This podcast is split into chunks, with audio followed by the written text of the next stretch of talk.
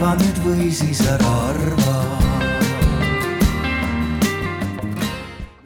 nii, nüüd oleme kuuldavad. tere, mina olen Riho ja juhatan sisse meie tänase päeva teise arutelu siin äh, poliitika alal Arvamusfestivalil. ja meie teise arutelu teema nimi on kas kliimaneutraalsus aastaks kaks tuhat viiskümmend on piisavalt ambitsioonikas ja seda juhib Helen Sooveli-Sepping, kellele ma ka nüüd sõna annan. aitäh. tore, äh, tere pealelõunat.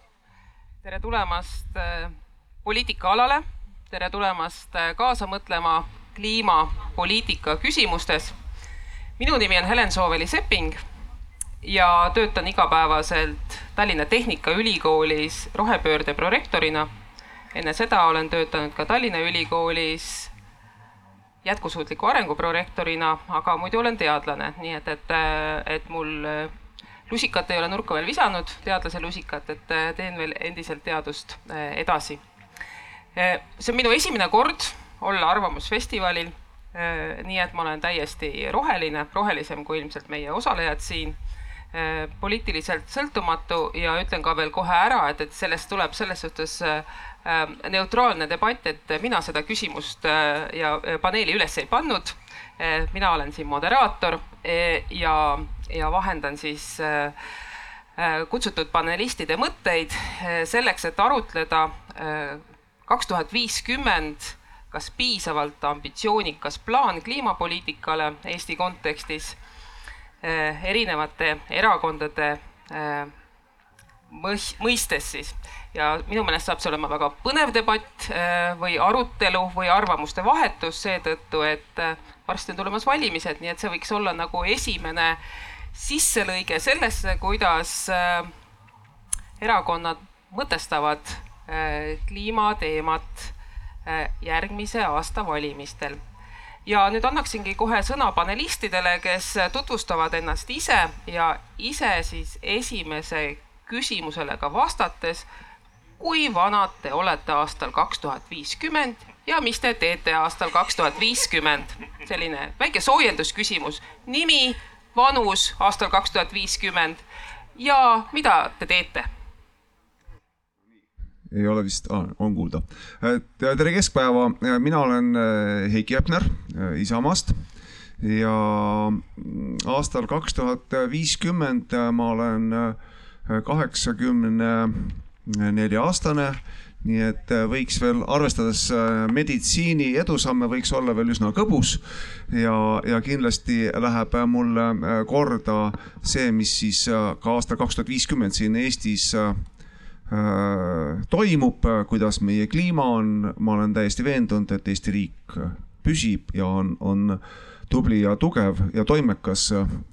et aga selle nimel tuleb muidugi ka tarku otsuseid teha täna ja, ja võib-olla tõesti, kas äh, ambitsioon on äh, meie jaoks liiga madal või kõrge, siis äh, minu meelest me oleme natukene liiga keskendunud mingitele konkreetsetele aastaarvudele. pigem me peaksime rääkima sellest, et me teeme õigeid otsuseid, teeme selliseid otsuseid, mis on Eesti riigile kasulikud, Eesti rahvale kasulikud. ei tohi unustada maailma päästmise kontekstis Eesti riiki ja Eesti rahvast. aitäh. Ja tere ka minu poolt Erki Savisaar. ja aastal kaks tuhat viiskümmend ma olen seitsmekümne kahe aastane ja kui kõik läheb plaanipäraselt, siis ma arvan, et ma püüan kala, et ma siin talvel juba alustasin ja, ja mul on veel aega natukene harjutada. ma usun, et siis tuleb paremini välja. ja, ja võib-olla on saak ka eh, parem. Eh, seda eriti siis, kui me suudame oma mere hoida puhtana, nii et seal kala ikkagi ujub veel mis on äärmiselt äh, suur väljakutse. Äh, mis nüüd puutub sellesse eesmärki, siis äh, ma arvan, et selles suunas liikuda tasub kindlasti, aga ma olen selles suhtes Heikiga nõus, et me peame tegema ikkagi selliseid otsuseid, mis viivad meie riiki ja rahvast edasi. Äh, sest äh, hästi oluline on, et Eesti oleks energeetiliselt sõltumatu, et me suudaksime alati toota nii palju energiat, kui meil on vaja. ma ei räägi siin mitte ainult elektrist, ma räägin siin ka soojast, ma räägin kütustest, ma räägin ka toidust. et me, me ei tohi nagu eh, seda võimekust käest ära anda, mis meil on olemas, aga loomulikult tehnoloogia areneb ja seda saab teha paremini ja seda tegelikult on kõike võimalik teha nii-öelda kliimaneutraalselt tervist, Rain Epler, mina EKRE-st. kaks tuhat viiskümmend äh, saan seitsmekümne kolme aastaseks. loodan tegeleda lugelemisega aktiivselt, olla passiivsuse aktivist. Äh, ja mis puudutab seda ambitsioonikuse mm, hindamist, siis äh, et kui me su suudaks sõnastada kuidagi eesmärgi, mis viiks meid lähemale sellele, et selle, et me inimesed, siis ütleme kogu maailmal inimesed suudaksid selle ilusa ja armsa maakeraga kuidagi nagu rohkem kooskõlas elada ja ja selle ressursse mõistlikult kasutada ja nii edasi, et siis, siis äh, ma ütleks, et me jõuaks hea eesmärgini, aga kliimaneutraalsus kaks tuhat viiskümmend, noh, kõlab minu jaoks nii absurdse eesmärgina, et ma isegi selle ambitsioonikust ei oska hinnata. aitäh. tere, mina olen Margot Äh, sellel äh, küsitud aastal ma olen äh, üle seitsmekümne juba. Ja põhimõtteliselt eelkõnelejatega selline sarnases vanuses. Ja mis mulle jäi kõrvu kõlama, et nemad räägivad sellest, kuidas neil täna võib-olla oleks mõnusam elada, aga me võime sellele teemale vaadata nagu nii meie põlvkonna nii-öelda järgmise paari aasta mõnusama elu äh, vaatepunktist, aga võib-olla võiksime ka vaadata nagu tulevaste põlvede äh, mõnusama pikema elu vaatepunktist või vähem ebameeldiva elu vähemalt, et äh, siinkohal tahaks väga rõhutada teadlust, teadlaste sisendit kogu teemasse, nende projektsioone, kes on tõesti seal ähm, sulavate jäämägede vahel sõitmas oma mõõtelaevadega, et seal kindlasti on äh, ütleme nii äh, neutraalne tõde või faktid, mida tasuks vaadata kogu seda teemat äh, arutades. tere. tere. tere, oh. tere, mina olen Piret Räni ja mina tulen erakonnast Eestimaa Rohelised seitsmekümne viie aastasena ma arvan, äh, et äh, juhul, kui see Eestimaa meil veel olemas on, äh, siis ma sooviksin nautida seda teadmist, et me oleme sellega ikkagi hakkama saanud ehk äh, saanud hakkama selle ühiskonna pöördega, mida me peame selleks tegema, et meil oleks võimalik jõuda kliimaneutraalsusesse ehk isegi kliimapositiivsusesse. sest äh, tegelikult ei piisa üleüldse sellest, et me lihtsalt natukene vähendame halva tegemist, vaid me peame väga kiiresti muutma oma kogu ühiskonna toimimist niimoodi, et halva tegemine lõpetatakse üldse ära ja ainult niimoodi saan ma loota, et ka mu lapsed julgevad lapsi saada ja et ka nende tuttavad julgevad lapsi saada ja et üldse on veel olemas see Eesti, kus need äh, lapselapsed peaksid kasvama. sest äh, juhul, kui me ei muuda oma ühiskonna toimimist, siis äh, ma kahtlustan, et Erki ei saa neid kalu püüda ja noh, ja võib-olla ei saa Rain lugeleda. Me peame väga kiiresti tegutsema. see on nagu sõda. väga tugev avang äh, on äh, kolm äh, härrasmeest, kes ei tõtta eesmärgi poole kaks tuhat viiskümmend kliimaneutraalset ja kaks naisterahvast, kes on väga mures kindlasti ma siin ei tõmba mingisuguseid soolisi jooni esiteks me oleme kolm pluss kolm, nii et äh, kõik on, kõik on tegelikult paigas, eks ole. aga mul on teile järgmine soojendav küsimus. Äh, just nimelt selle äh, ilma kohta, et me räägime kliimast, kliimamuutusest, aga et me räägime ilmast aastal kaks tuhat viiskümmend, kaksteist august. milline on ilm siin Paides, täna on see kakskümmend seitse kraadi. mul on kaasas sellised märjad lapid, sellepärast et mina ei talu sellist kuumust ja, ja kukun tihti kokku kui, kui selline kuumus on. milline on aastal kaks tuhat viiskümmend, kaksteist august ilm, arvestades seda, millised on kliimastsenaariumid meil teadlased teinud Eesti jaoks? et kes soovib sõna võtta? kõigepealt, milline on see ilm? vastavalt siis Eesti kliimastsenaariumile no ütleme, neid, neid stsenaariume on üsna mitmeid, aga ma arvan, sõltumata sellest, mis me siin lähiajal teeme, see ilm väga oluliselt ei muutu, et ta saab olema endiselt selline soe nagu täna. ta võib olla mõni kraad soojem, võib-olla mõni kraad külmem. küll aga selliseid soojaperioode on oluliselt tihedamini, kui need on olnud minevikus. mis tähendab seda, et rohelust tõenäoliselt on vähem, rohkem kaeve on kuivad ja, ja me peame tegelema rohkem nende küsimustega, millega täna tegeleb Lõuna-Euroopa ja, ja selles kontekstis muidugi on suhteliselt vähe, mida me siin ise saame teha, et see niimoodi ei läheks. pigem parim, mis me saame teha, on natukene ennast ette valmistada. ja mis puutub meretaset, siis meretasemega õnneks on muidugi niimoodi, et see jääb meil enam-vähem samale tasemele, et see Eestis ei tõuse erinevalt siin mõnedest teistest maadest, kes on meie, meist lõuna pool. No ilmselt ka äh, võib-olla hoopis sedasi, et, et äh, on ilm pilves, on küll piisavalt soe, aga, aga sajab oluliselt rohkem.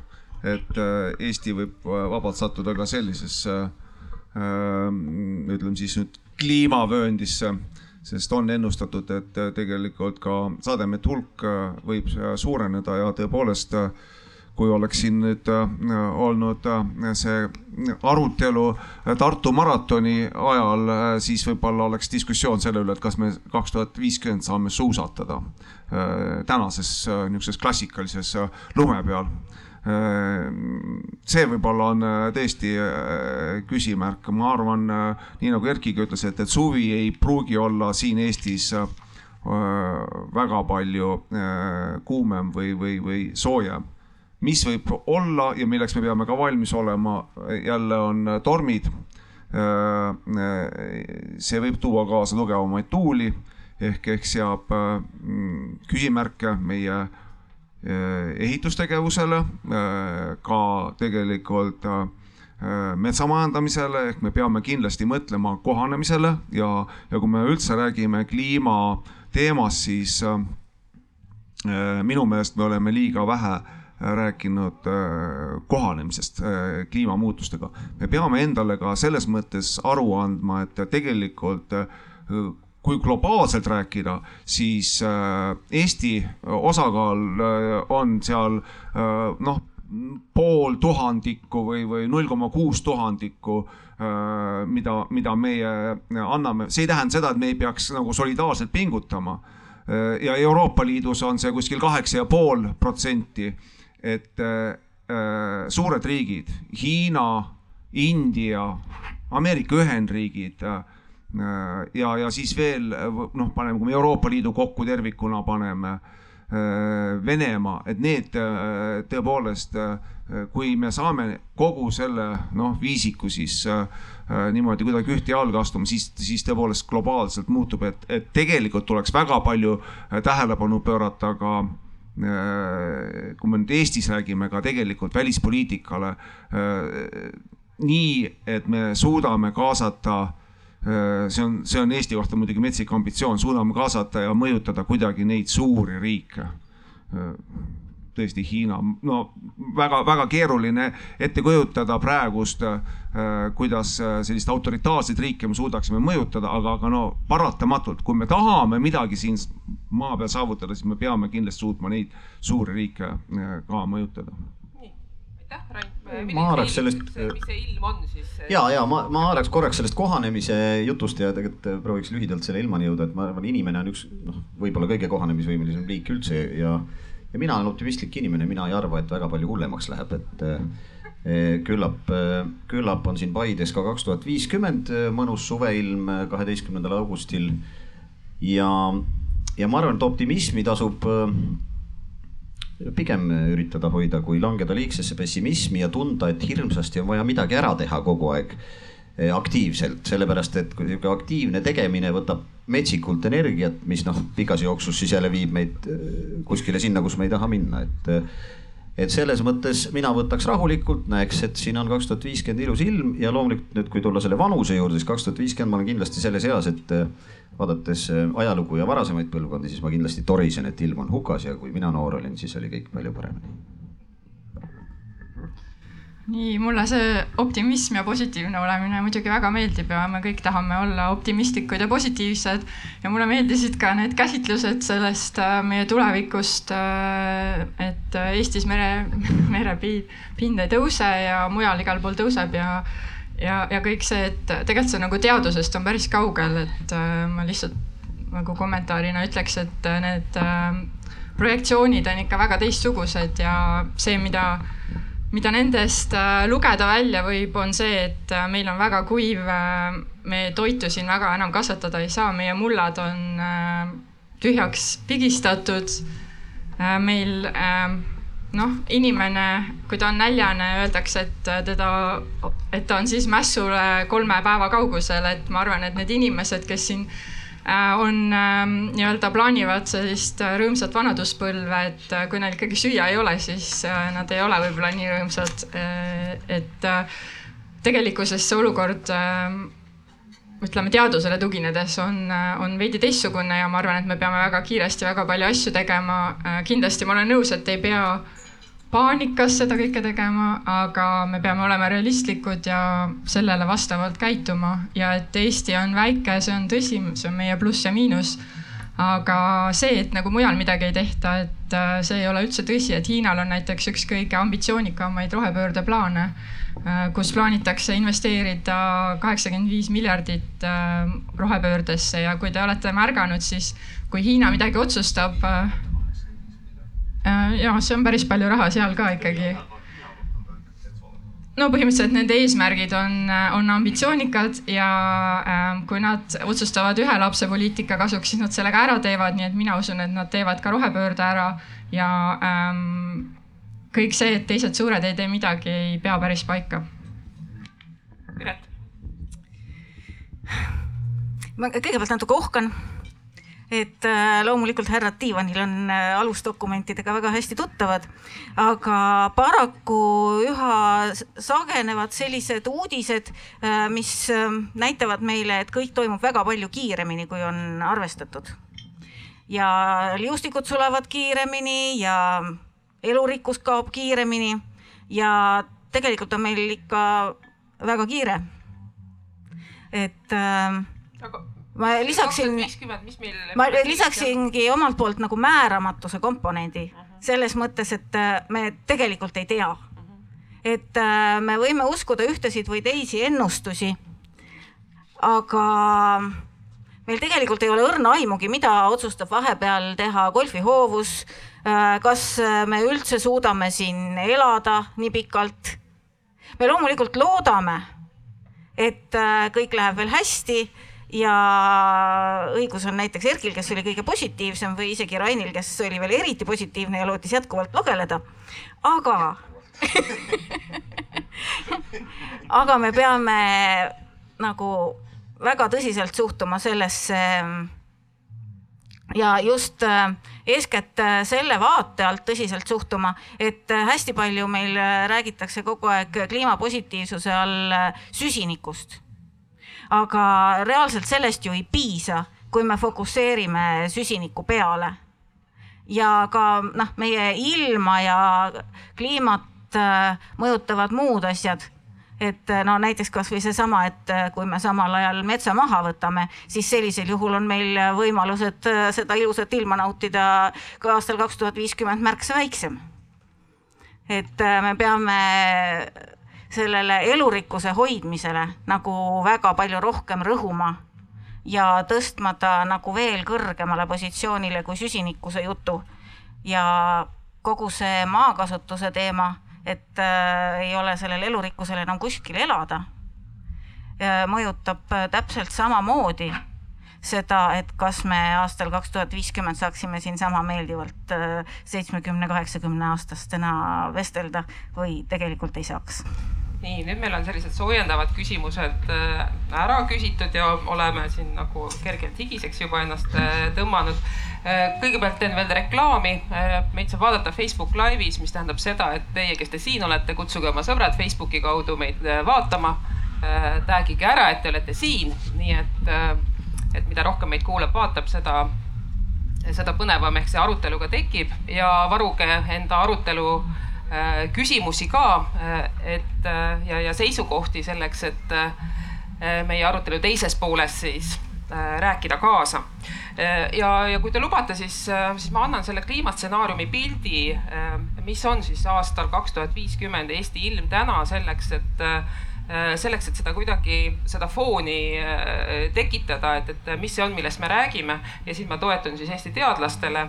Äh, ja, ja lähtun ka sellest, et äh, sellel suvel on enneolematult palju artikleid kirjutatud äh, Eesti meedias just nimelt kliimamuutusest ja, ja seda siis suurte kuumalainete ja selliste katastroofiliste sündmuste foonil Euroopas, et kõigepealt kõige olulisem, mis siis on välja toodud ja millest on siis ka Tartu Ülikooli kliimateadlane, meie selline üks esiteadlasi, Tiia Post kirjutanud on see, et kõige, kõige rohkem muutub talv. see tähendab, et talv on, on juba muutunud soojemaks.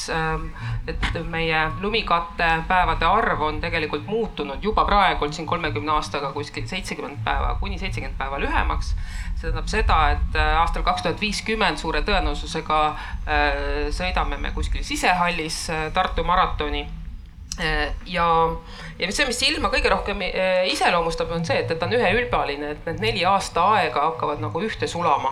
et kogu aeg on nagu selline noh, suusailm, eks ole, et, et, et, et see, see üheülbastumine on see, mis, mis meid ees ootab ja äh, Tiia Post on ka kirjutanud äh, siin viimastel nädalatel, et äh, tõenäoliselt hakkavad just nimelt need kõrgrõhkkonnad läbi murdma. sellised kõrgrõhkkonnad, mida me siis täna näeme Hispaanias, UK-s, Mandri-Euroopas, need jõuavad ka siia. mis tähendab seda, et, et ka see nelikümmend kraadi ei ole kaugel ja kuumalaine Eesti kontekstis on siis kolmkümmend kraadi kaks päeva järjest ja kui me nüüd lisame siia, et, et, et see on see, see on see tulevik, et me võime küll rääkida äh, kuskil kahekraadisest keskmisest tõusust talvel ja, ja alla kahe, üks koma seitse suvel, siis äh, üldkokkuvõttes äh, annavad fooni just nimelt need ekstreemsed ilma, ilmastikunähtused, mis mis on midagi sellist, mis meid siis peab siis muutma valvsaks, sest sest äh, noh, ühiskonnana äh, oleme me siis ka haavata, haavatumad äh, selliste ekstreemsete juhtumite foonil, aga mis nüüd võib-olla muret tekitab mulle kui teadlasele, on see, et ma just eile lugesin, et murettekitavalt on põhjapoolus, põhjapooluse ümbert sulanud seitse korda kiiremini kui arvatud Äh, nii et see on just siin viimased, äh, viimase nädala uudis. Äh, kümne aasta jooksul on Barentsi mere piirkonnas temperatuur tõusnud kaks koma seitse kraadi. ja teadlased ütlevad, et siin, et siiamaani kehtivad kliimamudelid ei päde absoluutselt enam. et kliimamudelid tuleb kõik ümber teha, arvestades seda uut teadmist, mis me saa-, mis nüüd saadud on. Nii et me täna räägime, me räägime vanat juttu, arvestades seda, et, et, et et meil on uus teadmine ja siin siis tuleb välja see Pireti ütlus, et äh, meid ootab ees teadmatus, sest, äh, sest teadlased alles äh, selgitavad välja uusi fakte. Mis tähendab seda, et, et me ei tea, mis sellest kliimast saab ja siin siin me siis ei saa rääkida sellest ainult, et kas see on süsinik või mitte, et kas see on inimtekkeline või, või mitte, vaid keskendume siis täna sellele, et et mis me ühiskonnana teha saame olukorras, äh, kus meie tulevik on äh, määramatu, et meil, meil on selline määramatu äh, ilm aastal kaks tuhat viiskümmend. Nüüd teine aspekt, mille ma nüüd kohe tahaksin siia sisse tuua selleks, et võib-olla seda diskussiooni natuke mm, teistsuguse nurga alt avada, on äh, on jällegi uuring, mida nüüd äh, teadlased siin sellel aastal äh, välja andnud, äh, mis seab, seob kokku keskkonnareostuse, elurikkuse ja inimese tervise. ehk siis planeedi tervis on sama, mis inimese tervis. Ja seal on välja toodud äh, nii, et äh, et iga kuues äh, surm maailmas on seotud siis keskkonnareostuse tõttu ja see siis äh, ja me ei saa nagu kliimamuutust ja keskkonnareostust äh, üksteisest üksteisest nagu paralleelselt vaadata, et me ei saa kliimapoliitikat ja keskkonnapoliitikat nagu eraldi vaadata, vaid et meil on vaja vaid vaadata neid asju koos. ja siin siis võib-olla avaksingi selle teema, et, et kuidas teie näete, kas kas te olete kuidagi enda jaoks selle ära markeerinud, et äh, kliimamuutus öö, mõjutab inimese tervist mingil moel? et kes soovib seda äh, teemat avada no lühike vastus on, et ilmselt kliimamuutus mõjutab inimese tervist. See äh, suurem madin käib selle üle, et äh, miks need muutused tekivad, et kui palju on seal nüüd seda, seda süüd siis, eks ole. jah, selle, sellele ärme lähe. noh, lühike no, vastus on, eks, eks see kliima, kliimamuutus mõjutab, ma, ma korra tahtsin selle teaduse poolel peatuda nii palju, et äh, selles kliimadebatis kasutatakse palju seda teaduslikku konsensuse malakat. et üheksakümmend viis või võib-olla on üheksakümne seitsme peale tõstetud et kõik teadlased on justkui nõus, et see on, see on nagu mõnes mõttes üks koht, mis mind teeb murelikuks, et minu arust teaduses peaks otsima eelkõige tõde. noh, kui juhtub, et ka saavutatakse konsensus, jumal temaga, aga täna tundub olevat konsensus tõstetud tõeotsingutest ettepoole, et kas saaks kuidagi näitlikustada seda, et selliseid, selliseid, nii nagu ma saatsin teile inimarengu aruande, selle no, näi, no, arutelu, arutelu peatüki, et, et, et. ja, ja ei noh, aga, aga näide ongi see, et, et see, see lause tuleb hästi tihti, et, et noh, kasvõi ütleme, kui mina selle välja ütlen, öeldakse, aga üheksakümmend viis protsenti maailma teadlastest äh, ütleb, et on nii. noh, ma lihtsalt tahangi seda öelda, et, et ähm, mulle mitteteadlasena on jäänud mulje, et see konsensuse otsing äh, prevaleerib selle, selle tõeotsingu üle. ja, ja, ja millele see mulje baseerub? kasvõi nendel samadel vestlustel või intervjuudel, mis, mis, mis mina olen pidunud, pidanud või mis minuga on tehtud, et kui, kui ma ehm, noh, julgen tõstatada küsimuse, siis äh, ega keegi noh, ei too ju mulle äh, teadusuuringute mingisuguseid no, numbrilisi näitajaid, vaid noh, siis öeldakse lihtsalt et, et üheksakümmend viis protsenti teadlasi on ühel meelel ja, ja nii on, et mis sa siin, Rain, vaidled. no ja võib-olla noh, võib-olla ongi juhtunud nii, et teadlased ongi jõudnud samadele tulemustele, et noh, nii ongi. no ütles teadlane tiivalt, eks ole, et, et uskugem. nii, veel tulles tagasi nüüd küsimuse juurde, et see tervise ja kliima omavaheline mõju, et, et kas me peaksime sel teemal äh, rohkem mõtlema äh, või mitte, et näiteks võttes siis Tervise Arengu Instituudi eelmise aasta, eelmise aasta äh, aruande, siis seal oli kirjas, et kuna meil eelmine aasta oli kuumalaine, sellist, mida see aasta olnud ei ole, siis, siis on sealsed teadlased öelnud, et kakssada viiskümmend lisasurma versus siin mõned äh, koroonasurmad samal ajal juuni-juuli äh, et kas me selliste numbritega peaksime, kas me peaksime seda tõsiselt võtma või mitte? ja kui tohib, siis loomulikult vaieldamatult kliima mõjutab ja, ja kui ta läheb ka nüüd täpselt need ekstreemsed järsud kuumalained, ilmselt on just see võib-olla kõige tugevam mõju, selles pole üldse mingit kahtlust Äh, ja, ja siin äh, me peaksimegi, kui me nüüd räägime ka kliimamuutustest, korra juba selle tõin, tegelikult me peame äh, sedasama mitte ainult keskenduma tõesti ka süsiniku nüüd teemale ja, ja vaieldamatult väga oluline on ka elurikkuse teema, aga laiemalt ka kohanemise küsimusele, see on ülioluline, see on ülioluline endale teadvustada. inimene on nutikas ja kui ta teab, mis võiks nagu või oskaks prognoosida, mis tuleb, siis äh, tuleb ka sinna äh, äh, panustada, et kuidas kohaneda, mis oma tõepoolest oma hoonetega ette võtta, mis oma linnaruumiga ette võtta. noh, siin on vaieldud ka sel aastal on või, või ka ütleme siis noh, ütleme viimastel aastatel on vaieldud Äh, selle üle, äh, kuidas linnaruumi kujundada just äh, kõrghaljastuse näiteks kontekstis. et, et kõikide nende teemadega loomulikult tuleb tegeleda, et, et ja, ja, ja mõelda tõsiselt, kuidas kohaneda sama lugu on sademetega, et eelkõige just siis vihma näol, et tõesti lund jääb tõenäoliselt meil vähemaks ja, ja me oleme ka siin näinud, kus äh, tulevad väga tugevad vihmavalangud ja meie sadeveesüsteemid ei jõua vastu võtta. Äh, äh, sellised lokaalsed lühiajalised uputused tekivad, kõigi nende asjadega tuleb tegeleda ja, ja tegelikult peab mõtlema juba praegust ka investeeringute peale, sest need summad on iseenesest päris suured, mida me peaksime tegelikult kohanemisele panustama.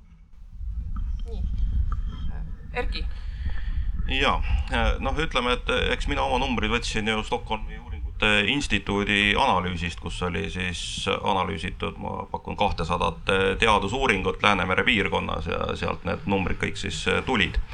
Et eh, piirkonnad on erinevad, et üks asi on, mis toimub Hollandis, teine asi, mis toimub Eestis, kolmas asi, mis Poolas või Rootsis. et selles suhtes eh, seda pilti tasub ikkagi uskuda ja, ja ega metsa suhtes ka mõtleme nagu hoolega, et kui meil kuumalainet tuleb rohkem, torme tuleb rohkem, eh, noh, üraskid me juba teame, mis see, see teeb, et kui meil on selline kuiv üraskites puretud mets, mille torm maha murrab, väga hea pind tulekahjudele, ma küll ei ütleks, et need suured metsatulekahjud kuidagi positiivselt äh, mõjuvad äh, sellele kliimale, et me peaksime ka äh, selle pilguga vaatama ja, ja valmistama äh, lisaks endale ette ka, ka meie metsad selleks perioodiks, mis on ette tulemas ja, ja me ei saa seda metsa valmistada niimoodi üleöö ette. et kui me isegi oma hooneid suudame nagu väga kiiresti ümber ehitada, siis noh, metsal läheb ikkagi aastakümneid, enne kui see uus kooslus, mis võiks olla vastupidavam selles uues kliimas, saab selliseks ilusaks metsaks. Nii et äh, seda globaalset pilti me siin Eestis ei muuda, et selles suhtes ma ei arva, et me peaksime kuidagi nahast välja pugema. aga see ettevalmistus ja, ja mõistlik käitumine, ma arvan, et äh, see on meie jaoks võti, mida me siin peame otsima ja, ja, ja leidma just neid Eesti lahendusi. tuleks nüüd teemasse tagasi vahepeal, et äh, tervise küsimus on äh, ta on hästi palju suurem, kui äh, paistab ja see ei ole see küsimus ainult, et meil on õhusaaste ja, ja et äh, kuidasmoodi me kuumasaarte vastu võitleme ja nii edasi. tervise küsimus on muuhulgas see küsimus, et äh, me rikume kogu aeg oma põhjavett. me vähendame vee kättesaadavust sellega. tervise küsimus on samavõrra see et äh, iga aastaga muutuvad mullad nõrgemateks ja inimesed panevad üha rohkem mürki oma põldudele, mis äh, sealt uhutakse kõikjale laiali. et äh, me peamegi nagu vaatama seda küsimust hästi laialt, et äh, kui meil muutuvad ilmad kuivemaks ja mullad nõrgemaks, siis äh, pannakse veel rohkem mürki ja tegelikult ei ole olemas sellist mürki, mis oleks ainult taimemürk, sest mürk on mürk. et äh, mida rohkem äh, inimesed panevad mürki, seda haigemaks nad ju tegelikult jäävad. mida rohkem inimesed saastavad äh,, seda rohkem noh, tulevad kantserogeensed haigused, kõikvõimalikud muud rääkimata sellest, et mm, kogu see värk veel kahjustab vaimset tervist, eks ole et äh, selle jutuga ma tahaksin tulla nii kaugele, et selleks, et me kaks tuhat viiskümmend saaksime rääkida tervetest inimestest, äh, me peaksime tegelikult minema hästi kiiresti kogu riigina üle mitte ainult mahepõllumajandusele, vaid taastavale põllumajandusele, mille põhifookus ongi sellel, et äh, kasvatataks mürgivabalt ja samal ajal ka toidetakse mulda, samal ajal muudetakse seda maad paremaks mille peal me elame, mistõttu võib loota, et äh, see maa püsib kauem ja toidab meid kauem ja hoiab meid kauem tervena. sest ega kui looduskeskkond meid tervena ei hoia, siis me ei saa tegelikult hakkama. Margot, äh, ma annaks korra sõna Margotile ja, ja. siis paneme. väga tore, et äh, mulle alati meeldib see, et äh, see terviseteema ikkagi huvitab natuke rohkemaid inimesi, kui me keskkonnast räägime, et siis inimese oma nagu ihu ikkagi äh, pigem on see, kus äh, võib-olla siis ka rohkem inimesi hakkab mõtlema selle peale.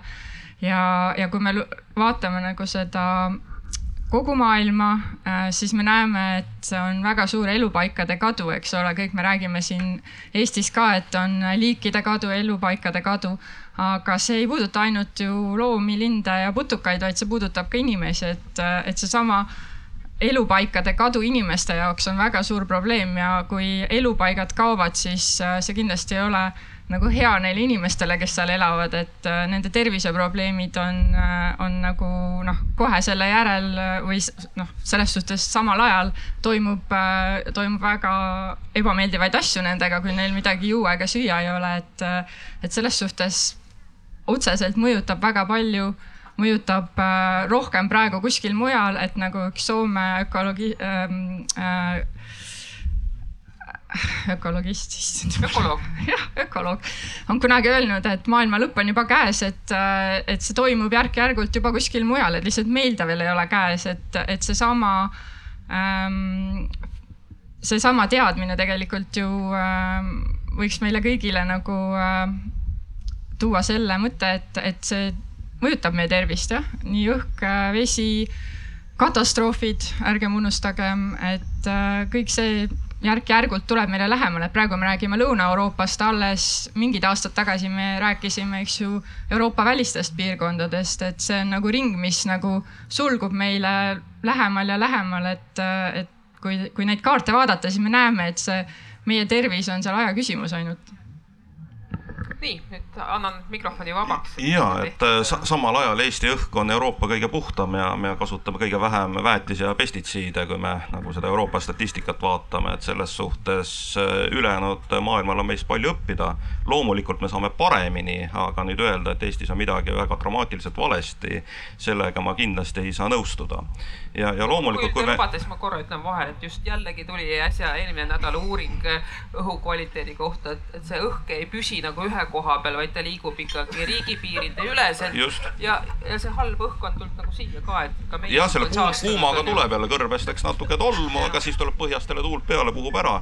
aga keskmine statistika näitab, et Eestis on siiski õhk kõige parem, et noh, selle, selle vastu ei ole midagi kellelegi öelda. metoodikad on natuke teistsugused Eestis kui mujal, aga, aga jällegi see on see teadlase jutt, aga lähme edasi. no, no ma ei tea, lõpuks on mingi Eurostati number ja seal peaks olema metoodikad ühtlustatud, aga ega ma muidugi ei ole süvenenud, kuidas need teadlased päriselt seda aruannet kokku panevad, et äkki tõesti Eestile kasutatakse ühte metoodikat ja, ja Hispaaniale midagi muud ja siis on nagu kurgid ja kapsad, mida omavahel tegelikult võrrelda ei saa ja tegelikult võib kõik need eh, statistikatabelid ju siis ära unustada ja ja vaadata lihtsalt niimoodi eh, taevasse, öelda, et meie ilm on selline. aga mis ma tahtsin põllumajanduse kohta öelda, siis loomulikult teistmoodi saab ka põllumajandust pidada. et kui me võtame kakssada aastat tagasi Eestis, siis eh, rahvastikku oli viis korda vähem, põllumaad oli kaks korda rohkem ja selle kaks korda suurema põllumaaga suudeti tõesti see viis korda väiksem rahva hulk ära toita. et kui me nüüd eh, püüame sinna tagasi minna, siis meil puhtfüüsiliselt ei jätku seda maad et noh, me oleme tänaseks andnud miljon hektarit eh, metsale, metsamaa on eks kahekordistunud võrreldes siin sajandi tagusega Eh, kui me soovime minna samadele põllumajandusmeetoditele tagasi, mis olid eh, tollasel ajal, siis see kõik tuleks eh, muuta taaskord põllumaaks, see mets maha võtta. ma arvan, et see tõde tegelikult on selles, et me ei pea minema mitte ajaloos tagasi, vaid me peame leidma uusi lahendusi, mis siis suudavad toota toitu kogu sellele rahvastikule, mis meil Eestis on. ma saan aru, et globaalselt on inimesi liiga palju, aga eestlasi on liiga vähe, meid võiks olla palju rohkem. et selles suhtes siin ma maal, me peame ikkagi mõtlema selle peale, kuidas me oma rahva ära toidame, kuidas meid võiks veel rohkem olla ja las need suured rahvad siis mõtlevad, kuidas seda äh, globaalset rahvastikku vähendada. ja olgem ausad, eks loodus teeb ju oma ega, ega siin ei ole midagi, tulevad viirused, võtavad osa maha, need kliimamuutused võtavad osa maha, eks see vaikselt läheb. aga eestlaste ülesanne on olla valmis, elada see aeg üle ja tulla võitjana välja. see see tervise küsimus, eks ole, noh, tegelikult on heaolu küsimus selles mõttes, et, et inimene tahaks ju ikka hästi elada ja ja vot selles kliimaneutraalsuse noh, seatakse eesmärke ja siis on noh, kas mingi ravi või mingid vahendid, kuidas sinna jõuda, et et mulle tundub nojah, et küsimus on selles, et elagem hästi edasi, aga säästkem ka emakest maad, et isegi see, kas Fit for 55 äh, seal kuskil põhieesmärkides oli sätestatud midagi sellist, et seome heaolu kasvu ressursi kasutusest lahti.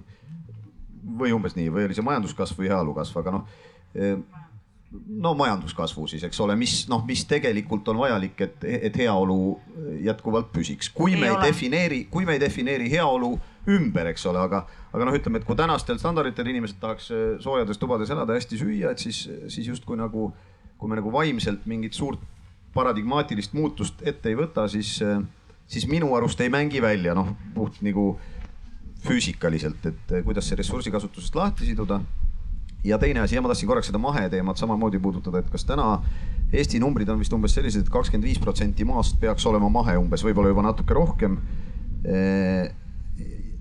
Ja aga ta annab kaheksa protsenti saagist, ütleme noh, selles mõttes, et kui et ütleme, saagikus tõepoolest seal on väiksem ja nagu Erki ütles, et siis tuleks seda metsa kõvasti rohkem maha tõmmata ja, ja kui rahvaarv samaks jätta, siis, siis ei tuleks isegi siis välja, kui kõik lagedaks tõmmata ja põlluks teha, et et, et seal nüüd tuleb no, siis otsida vastust küsimusele, et kas meid võiks ka vähem olla, eks ole jah, ja aga nagu Eesti piiris. Eesti piir Hiina piirini jah ja,, siis, siis tuleme siis, toime. siis mängib välja, et, et, et siis peaks nendele küsimustele vastama, et kas me võiks vähemakesi siin hakkama saada, et siin Hiina ühe lapse poliitikat juba korra nagu justkui kiideti, et et see, no sa, sa kuidagi ütlesid nii, et kui Hiina ühe ütlesin, lapse et... poliitikat jätkab, siis nad viivad oma rohe-eesmärgid. ei, ma ütlesin, et kui Hiina võtab eesmärgi, siis ta teeb selle ära, vahet ei ole, mis see eesmärk ja, on, ma no, ei ja, rääkinud. aga, aga noh, sisuliselt käis läbi see, et kui võtta ühe lapse poliitika, siis see aitaks rohe-eesmärkide täitmisel kaasa. ei, ma ei mõelnud üldse seda. sain valesti aru, vabandust.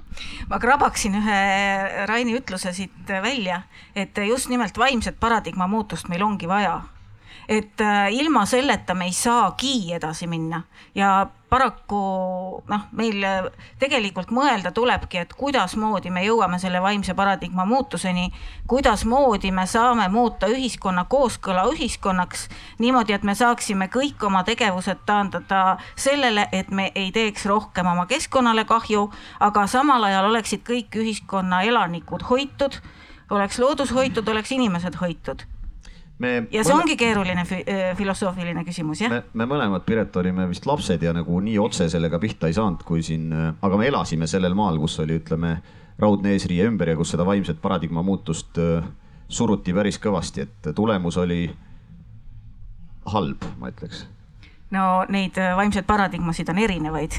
me ei unista ju sellest vaimsest paradigmast, mis meid lapsepõlves kimbutas. mina küll ei unista, jah ma tegelikult äh, siiski äh, toetaks äh, praegust äh, Erki mõtet just äh, selles kontekstis, et me peame siin hakkama saama ka Eesti rahvana. ja, ja ma olen äh, teinud niimoodi näppude peal rehkenduse, et kui me võtaksime Eesti äh, rahvastiku tiheduse, nii palju kui siin Eestis praegust elab ja jätaksime maailmas äh, siis äh, maailma noh, ütleme siis pindala osas Antarktika välja aga seal sees ülejäänud oleks kõik need Gröönimaad ja, ja, ja tõesti kahetsusväärselt äh, sulavad äh, Põhja-Jäämere äh, alad, rannikualad sisse, siis ja, ja sealhulgas ka tõesti Sahara kõrbe näiteks, et siis maakeral peaks elama neli koma neli miljardit inimest noh, suurusaste on umbes selline. see tähendab, et tegelikult peaaegu poole vähem. noh, me oleme on arvutatud, et, et väga palju ta üle üheksa miljardi ei peaks äh, tõusma, et noh, siis hakkab ta seal niimoodi, muutub laugeks. et äh, vaieldamatult on see äh, väga oluline küsimus, kuidas saame hakkama siin emaksel maal sellise rahvaarvuga. aga kui ka Riigikogus on olnud neid arutelusid, debatte, olen ka noh, ise küsinud, et, et me peame vaatama ka globaalselt. Eesti ei ole täna probleem selle kliimamuutuse osas, vaid probleemid on mujal. Eesti rahvaarv võiks rahulikult äh, olla suurem, ta ei tohiks mitte kindlasti väheneda ja, ja, ja nende, äh, jälle me jõuame selle kohanemise juurde. ehk äh, kõik see, mida me siin teeme, peab toetama meie rahva püsimist äh, läbi aegade ja, ja nüüd on muidugi on see koht, kus me ei saa äh, minna oma tegemistega absurdi. siin tulevad väga selgelt ka keskkonnaküsimused, mis toetavad, millest vähe võib-olla räägitakse, aga oluline on ka ringmajandus, mida me võime mingit pidi samuti sellesse kliimadebatti siduda, et me kasutame vähem ressurssi ja, ja, ja taaskasutame neid rohkem. et neid tegevusi, biomajandus tervikuna tegelikult peaks äh, olema meil äh, märksa suurema tähelepanu all ja seda ei ole ka võimalik äh, üleöö teha. see on tegelikult aastatepikkune, aastakümnete pikkune tegevus ja minu meelest siin Soome on musternäide meil üle lahe kui hästi nad on tegelikult suutnud oma biomajandust, kui me räägime puidu väärindamist, mida täna kõike seal suudetakse teha. viiekümne aastaga loomulikult on viis, viis, kuuskümmend aastat on sinna ka panustanud. on olnud äh,, Soome on ostnud ennast äh,, maksnud ära reparatsioonid äh, pärast teist ilmasõda äh, Nõukogude Liidule äh, läbi metsa kaudu. ta on loonud oma äh, sotsiaalse äh, heaolu. Ja nüüd tõepoolest me võime kas, äh, arutleda selle üle, et kas see piir, noh, kui kaugel, kui kaugel saad sellega minna, et see elurikkust ei vähendaks, et neid probleeme, mida ka seal on ette heidetud, et, et saaks neid arvestada, aga, aga see, kuhu nad on täna jõudnud, no meie ei suuda kokku leppida siin ühes äh, biorafineerimise tehases, et, et aga see on hädavajalik, kui me tahame äh, noh, natukenegi äh, olla keskkonnasäästlikumad ja, ja, ja mõtelda ka selle peale, et me kliimale ei teeks äh, liiga. noh, see on nüüd küll selline pikem visioon ja, ja kuhu, kuhu tuleks rohkem tähelepanu pöörata ja aitäh, et, et me nüüd esiteks kuulsime et esimest korda sellist pikemat visiooni, et ma julgustaksin nüüd ikkagi edaspidi mõtlema ka just visiooni tasandil, sest me liigume lahenduste suunas. et, et, et kummutada seda müüti, et tead, et poliitik ei mõtle pikemalt kui neli aastat. nii nagu ma kahjuks kuulsin meie praeguse keskkonnaministri suust, et tema ei suuda rohkem kui neli aastat mõelda. et katsume mõelda siis pikemalt. Läheme lahenduste poole, et me siin nüüd kuulsime ühte võimalikku lahendust, biomajandus, õpime soomlastelt. annaksin sõna siis Erkile, et millised on need lahendused, mida Keskerakond näeb selleks, et äh, reostaksime vähem ja oleksime, ütleme, jätkusuutlikumad äh, ühiskonnana? Ja noh, ütleme mõned väiksed asjad me saame siin kiiresti ära teha selle suure pildi joonistamisega ja selle ahela kokkupanekuga läheb ikkagi veel üksjagu palju aega. Kui me vaatame ressursside nii-öelda see ringkasutust, ressursibilanssi, siis Soome vist suudab ringkasutada kusagil kolm protsenti kogu materjalist, mida nad tarbivad või, või kogu ressursist, mida nad tarbivad. Eesti on sealt jah, natukene tagapool, kaks koma midagi olime seal. et selles suhtes meil on ikkagi nagu enamuseni minna, üheksakümmend seitse koma midagi protsenti ja, ja kui me vaatame, kust see tuleb, noh, siin hästi palju räägitakse loomulikult jäätmetest, millele on lahendused olemas, et vähemalt selle osa me suudaksime ära teha, me oleme nagu päris hästi suudaksime kasutada näiteks ehitus-lammutusjäätmeid, me saaksime ka olmejäätmed kõik nagu materjalina ringkasutusse võtta, kui me seda päriselt sooviksime aga kui me vaatame nagu põhiosa materjalist, see on hoopis kuskil mujal, see on energeetikas, et kus meil ressursid lähevad, need on eks mootorikütused, mida me kasutame toasoojaks ja, ja nii edasi.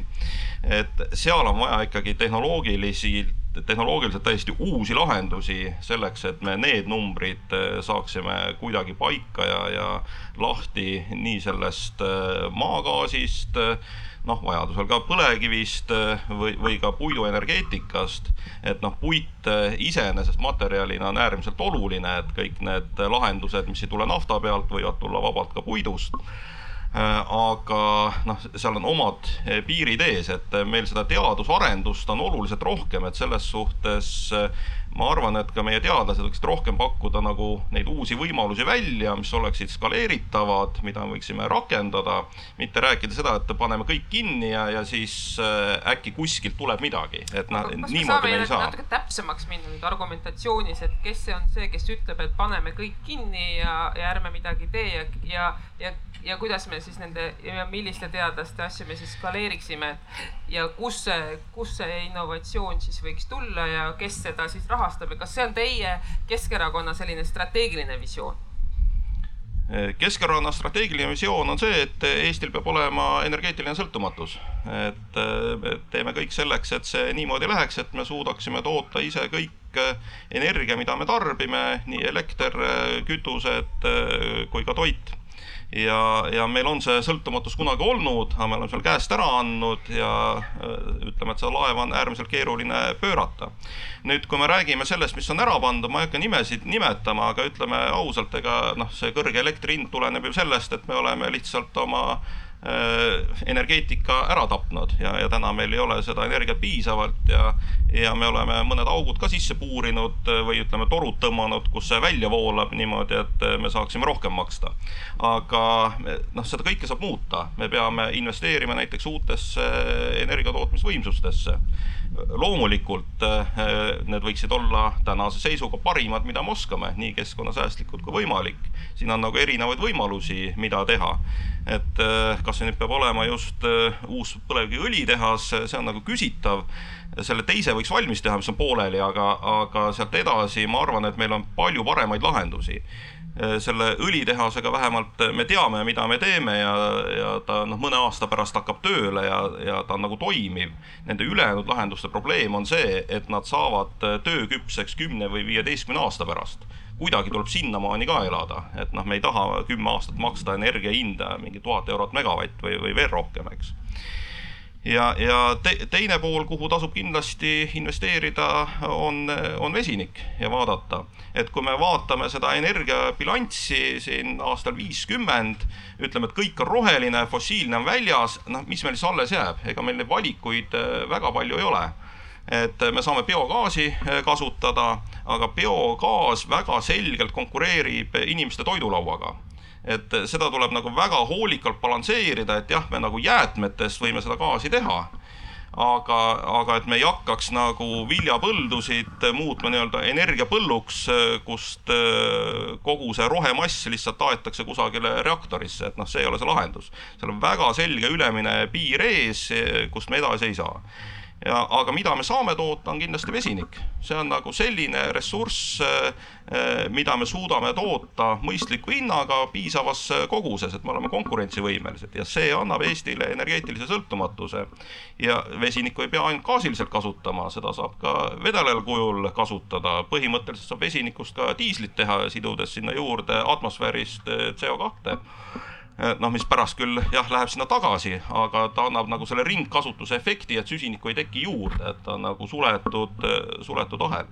ja noh, neid lahendusi on veel, aga noh, selleks tuleb hakata nendega järjest tegelema. ja, ja selle asemel, et ma ei tea, eh, keelata sisepõlemismootoreid, võiks pigem mõelda, et kuidas püüda siis need kahjulikud asjad sealt kinni ja, ja kasutada seda olemasolevat tehnoloogiat edasi. et see on nagu see pool nõustun jah Erkiga, et selles mõttes see, ma arvan, see energeetiline sõltumatus või et piisava energia olemasolu tegelikult, et ühiskond toimiks, on ülioluline. ja noh, me praegu ja isegi kui sõja kontekst äh, välja jätta, siis enne seda ehm, juba ka Saksamaal siin söejaamade toodangud tegid rekordeid ja nii edasi ja, ja minu arust me elame praegu läbi aega, kus kuidas kuidagi nagu õhinapõhiselt eh, hakati kas sulgema või noh, jätmata tegemata, jäeti tegemata investeeringuid nendesse noh, ütleme siis kas fossiilsete, Saksamaa puhul ka tuumajaamade töös hoidmisesse. ja siis äh, tegelikult noh, see tänane hetk näitab seda, et aga kui, kui olud igapäevaelu mõttes lähevad kitsaks, noh, vaatame seda kasvõi noh, läbi energiahindade, kus see täna kajastub, siis, äh, siis tehakse nagu paus äh, maailma päästmises, et nüüd on raske aeg, et paneme praegu pausile, pärast teeme edasi. aga ma arvan, see on selle tulemus, et, et enne hakati vanu asju noh, sulgema või kuidagi jah, maha jätma, kui uued toimivad lahendused olemas olid, olid, et noh, noh, kasvõi Eestis see põlevkivi teema on olnud ka päris kuuma debati teemaks ja aga tegelikult meil ju teda veel maapõues noh, on ja ma ei ütle, et me peame teda kasutama nullini, aga me võiks teha asju niipidi, et et ütleme, teadlastel võiks laborites tuled põleda ja, ja, ja ventilaatorid töötada, et nad saaksid innukalt uute lahenduste kallal töötada. Ja kui need on välja töötatud, saame selle põlevkivi mm, põletamise ära lõpetada ja, ja neid uusi lahendusi kasutusele võtta, et kui me teeme vastupidi, siis ma kardan, et siis on raske need tulemused tulema, sest et noh, siis läheb kitsamaks igapäevaelu, siis läheb ka teadusrahastus väiksemaks ja nii edasi, et kui me siin ennast ise hätta mängime. vaheküsimus, et kes on see, kes on nagu paugust asjad ära lõpetanud, et minu teada on nüüd just, äh, just selle julgeoleku kontekstis Euroopa võta... Liit on äh, rohkem investeerinud äh, rohelahendustesse ja, ja nendesse vahelahendustesse. et. kivisüsi teeb sellel, Bloombergi uudis äkki selle nädala algusest, kivisüsi tarbimine läheb väga teravalt noh ülesse, eks ole, teeb rekordeid. Teadus, teadusesse. ja, ja ma ütlengi, et see e, e, seni, kuni ressurssi jätkub, et teadusesse e, investeerida, aga, aga noh, kasvõi Saksamaa, eks ole oma tuumajaamadega, noh, need on pikaajalised otsused, mis tehti ära siin noh, mõned aastad tagasi, et me seal jätame mingid hooldustsüklid vahele ja me paneme need jaamad kinni. nüüd seda tagasi pöörata pole võimalik, eks ole, et noh, tegelikult see energiadefitsiit noh, hetkel ikkagi süveneb, eks ole, et, et ma tahan just seda öelda, et kui see defitsiit läheb liiga suureks, siis see investeerimisvõimekus uutesse ka teadus, noh teadustöösse ja investeeringuteks väheneb, et, et me ei saa nagu vastupidi neid asju teha. kas ma võin siit välja lugeda nüüd, nüüd kuulates kahte härrasmeest, et, et teadusesse ja innovatsiooni soovitakse Eestis rohkem raha juurde saada selleks, et, et neid lahendusi, lahendused leida kindlasti insenerteadustesse eriti tuleks ju raha juurde panna, jah jah, lahendustesse, mis, mis on nagu äh, reaalses elus rakendatavad, mitte nagu nii palju baasteadustesse, uuringutesse ja. sinna, vaid äh, reaalselt toimivatesse äh, lahendustesse, ükskõik millised tehnoloogilised lahendused need siis tulevad ja nende väljatöötamisse. et rohkem seost nagu ettevõtlusega pikas jooksus baas, baasteadused kindlasti olulised, aga, aga nõus Erkiga, et, et noh, nii-öelda rahvamajandusse võiks eh, iga viis aastat midagi käegakatsutavat ka tulla, eks ole, et. Eh, praegu e... peaks ka tulema, aga, aga siis võib-olla oleks tarvis. ega ma ka ei väitnud, et praegu ei tule, jah aga energeetik, aga energeetikas on, energeetikas ikkagi täna noh, ütleme, kui, kui siin tuumat mitte arvestada, siis nagu muu energeetika osas selliseid nagu jätkusuutlikud, kuid ja, ja kogu seda energiatarvet katvaid, et nad suudaks fossiilsed asendada. noh, tasub ikka veel äh, rügada seal teaduspõllul, et, et, et tuleks selliseid lahendusi. kutsun üles kuulama siis täna Tehnikaülikooli äh, just nimelt energeetikadebatti, kus on teadlased äh, ja, ja energeetikateadlased, kes just nimelt nendel teemadel täna ka siin räägivad. nüüd tahaksin sõna anda Margotile, palun. aitäh äh nii rääkides siis tuleviku lahendustest, et äh, see, seesama suur probleem, mis meil on olnud äh, ja jätkuvalt on, ongi see, et puudubki see nii-öelda pikk plaan. et äh, kui minister ise ütleb, et temal on nelja aasta perspektiiv, paljud valitsused on meil siin aastapikkused, praegusel valitsusel on perspektiiv märtsini, nagu ma aru olen saanud, et see on see suur häda, mis meil on olnud ja ma ei näe, et see ka lahendust leiaks äh, praeguste nii-öelda osaliste jätkamisel, et äh, tegelikkuses on vaja teha suured reformid, et see on nagu see, mis äh, mis on see rohepööre nii-öelda, aga see ongi nagu suur kobarreform nii-öelda, mis, mis puudutab energiasektorit, mis on nüüd esile kerkinud, aga tegelikkuses on see transpordisektor, mis vajab reformi, on see ehitussektor ähm, ehitiste soojustamine, kõik need teemad ähm,, on see jäätmemajandus ähm,, on see põllumajandus, et äh, tegelikkuses tuleks võtta need kõik need sektorid ja tehagi nii-öelda konkreetsed plaanid, et praegusel hetkel meil on igasuguseid visioone, arengukavasid äh,, erinevaid pabereid siin ja seal. aga sellist äh, nii-öelda teekaarti, kus oleks punkt A ja punkt B ja, ja mis sinna vahele peaks mahtuma et seda nagu enamustes valdkondades tegelikult ei ole, et äh, kahjuks on nii, et see, see suur plaan, et seda ei ole lihtsalt olemaski. ja see on see, mis on meie hädade põhjus et mille, miks meil on see energiaprobleem, ongi see, et äh, nõustun eelkõnelejaga, et äh, mingisugused äh, valdkonnad, eks ole, pandigi kinni või vähendati äh,. samas kui ei olnud välja arendatud äh, taastuvenergia võimalusi, et äh, kõik see, et meil ei ole neid tuulikuid ei meres, et meil ei ole neid ehitatud juurde maismaal viimased kümme aastat et see kõik on ju tegema jätmine, tegemata jätmine ja ma ei äh, tahaks nagu süüdistada kedagi, et minevikku muuta ei saa. aga täna on see hetk, kus me saaksime, kus riik peaks võtma väga tugevalt selle ähm, nii-öelda vastutuse ja otsustuse, et äh, kõik need planeeringud ja, ja kõik muud asjad, mis venivad ja mille taga need äh,, need tuulepargid ja, ja muud lahendused on, saaks ära lahendatud ja see jutt, et seda ei saa teha kiiremini, sorry, ma nägin, kuidas me koroona ajal kõik istusime toas, sest riik otsustas. et mina arvan, et riik saab päris palju rohkem teha ja kohe kindlasti oleks seda vaja teha. et äh, see pikk plaan nii-öelda ongi seesama kõikide nende probleemide lahendamine ähm, täna ja homme, mitte ülehomme aga siis see, see niimoodi loosungina on jube tore, aga, öelda, aga kuhu päriselt? et, et teeks nii, et kuna meil varsti on valimised, et siis ütleme punkt üks, punkt kaks, punkt kolm teevad meie erakonnad need ja need asjad kliimapoliitikaga seoses. Et kes tahab öelda punkt üks, punkt kaks, punkt kolm, et mis te juba mõtle, mõtelnud olete, et oleks nagu, oleks nagu hästi konkreetne ja siis pärast seda videot Äh, vaadates siis saab juba mõelda, et, et, äh, et keda valida. väga tore, et äh, punkt üks, selge plaan punktist A punkti B kõige olulisemates valdkondades ehitus, energeetika, põllumajandus. mis seal veel oli ringmajandus, jah, sorry, minu lemmikteema, kuidas ma selleni pole veel jõudnud. ringmajandus äh, kõik need valdkonnad, äh, kõigest tuleks teha see kava.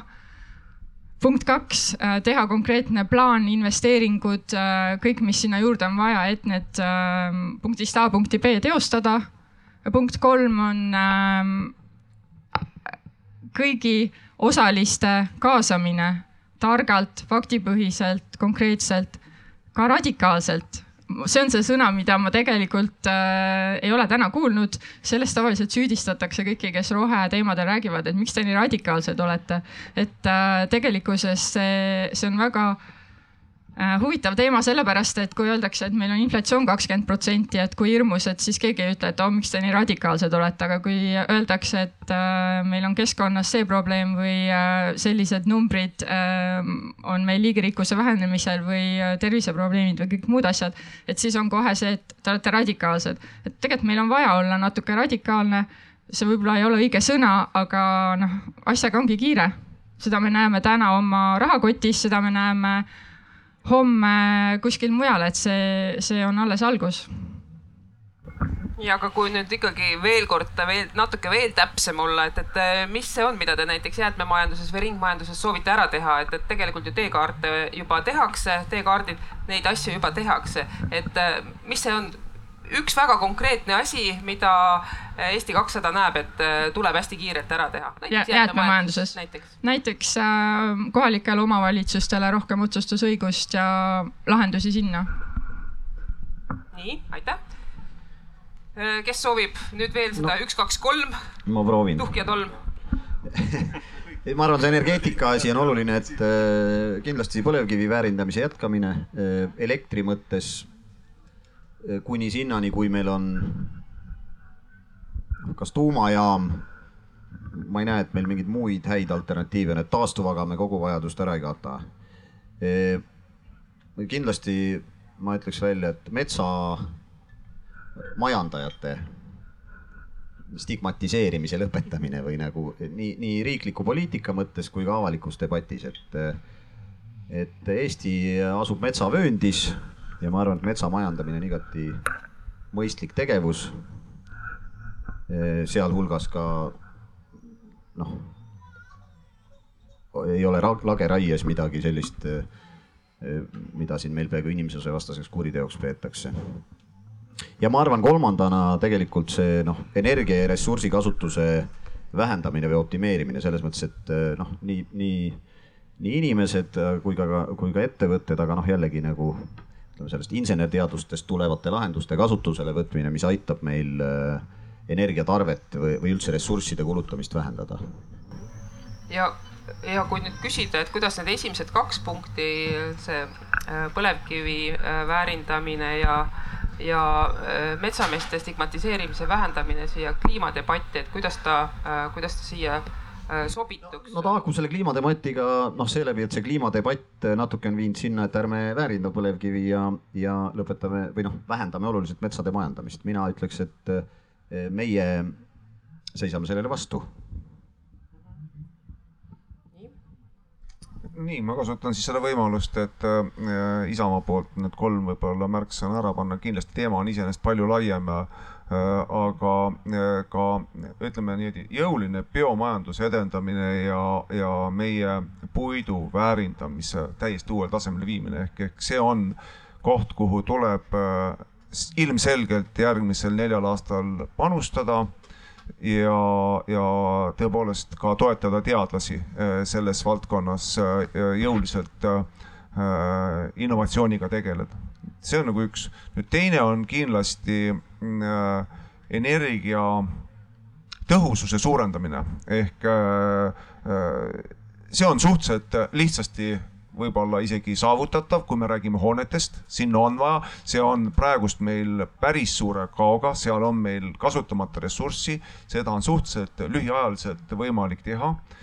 Kui vaja, tuleb ka selleks võtta laenu, see tuleb lihtsalt ära teha. punkt, seal ei ole rohkem mitte midagi.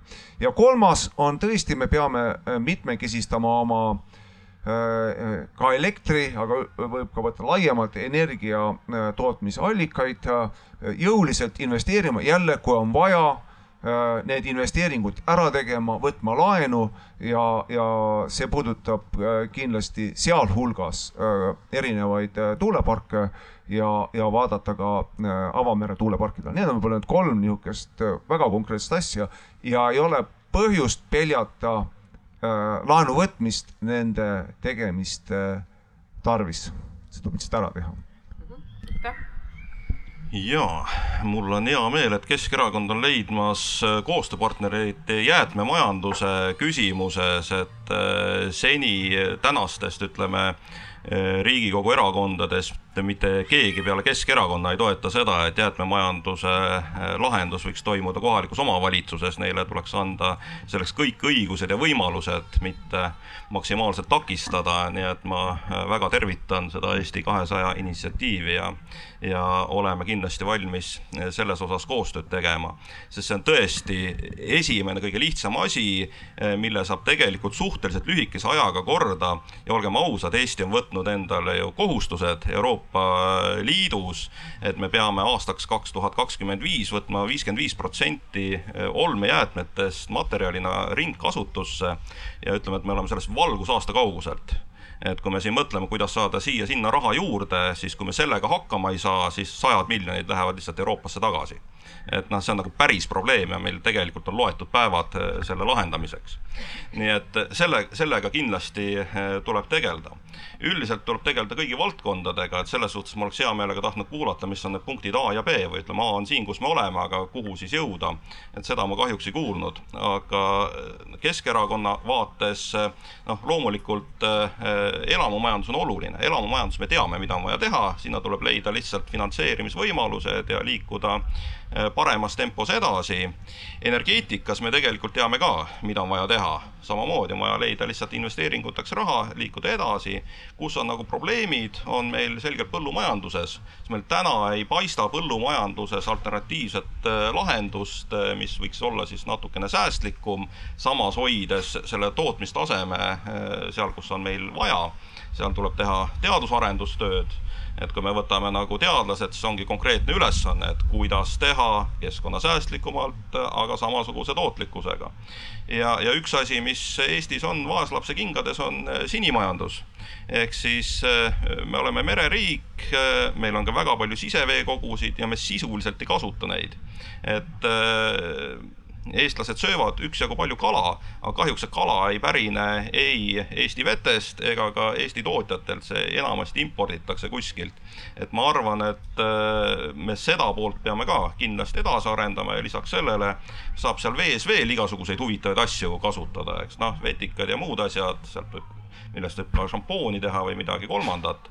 aga noh, näiteks leedukad äh, leidsid, et nemad hakkavad krevette kasutama mineraalvees, sest noh, Läänemeres ei saa, Läänemeri on liiga mage selle jaoks. aga see mineraalvesi, mis neil tuleb sealt maa seest, see on nagu õige soolasusega ma ei ole kuulnud, et meie teadlased oleks uurinud, kas näiteks Värska vesi ka sobib selliseks eh, ülesandeks. aga võiks uurida, et noh, selliseid häid lahendusi võiks tulla meie teadusest ja, ja kui need poliitikud tulevad siis ka kaasa, kui on niisugune punktlahendus ja leiame mingisugused võimalused nende finantseerimiseks. mul on siinkohal hea meel eh, teatada, et järgmine nädal Tehnikaülikooli Kuressaare kolledžis me avame sinimajanduse, targa sinimajanduse keskuse, nii et, et äh, mõtleme siis ühes suunas nii, äh, ma olen nüüd juba kaks raundi maas, nii et ma üritan Võta kiiresti järgi. võtta, jah et äh, kolme punkti osas ma kõige esimesena äh, viskaks lauda kõige ebapopulaarsema. nimelt me tegelikult peame energiakasutust vähendama. et palun kustutage need lambid et äh, me ei saa rõhuda rohkem äh, püsivale majanduskasvule, eks ole. ja selleks, et äh, meil oleks tegelikult võimalik taastuvatele energiatele üle minna, peab me, me kokku energiat vähem kasutama ja eeskätt peaks lõpetama energiatoetused nendele valdkondadele, mis tegelikult keskkonda rikuvad meil on päris palju valdkondi. siin hiljuti oli riigikontrolöri see kokkuvõte sellest, et kui paljud valdkonnad on meil tegelikult loodust kahjustavad. ja et paraku riik toetab neid tegevusi. et see oleks number kaks, et lõpetaks selle tegevuse ära. ja number kolm Äh, oleks, et äh, siin on palju juttu teaduse toetamisest ja ka rohelises vaates, rohelises Eestis peaks äh, riik olema äärmiselt teaduspõhine.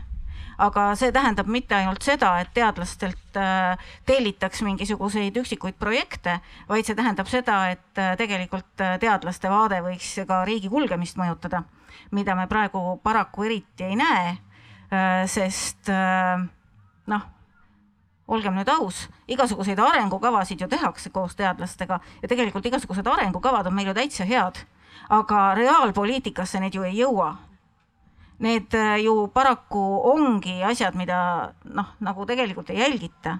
tegelikult jälgitakse heal juhul koalitsioonilepingut, aga parimal juhul noh, no olgem nüüd aus, tegelikult ei jälgita seda ka, vaid nagu vaadatakse, kuidas teineteisele ära panna põhiliselt nende nelja aasta jooksul. et äh, ja lisapunktina ma tooks äh, siia juurde selle, et äh, tegelikult äh, riik võiks hakata oma seadusi järgima.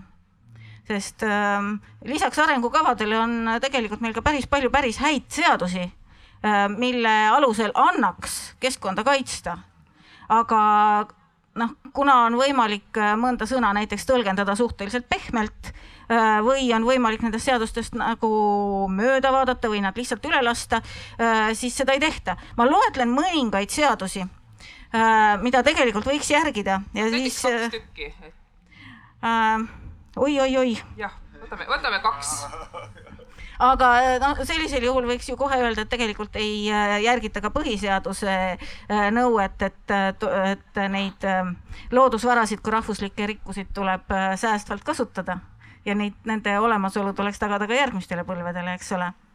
aga meil on veel säästva arengu seadus näiteks, äh, mille võib ka välja tuua kui täiesti asjakohase teeviida nii-öelda, mida ka ei, ei järgita tegelikult.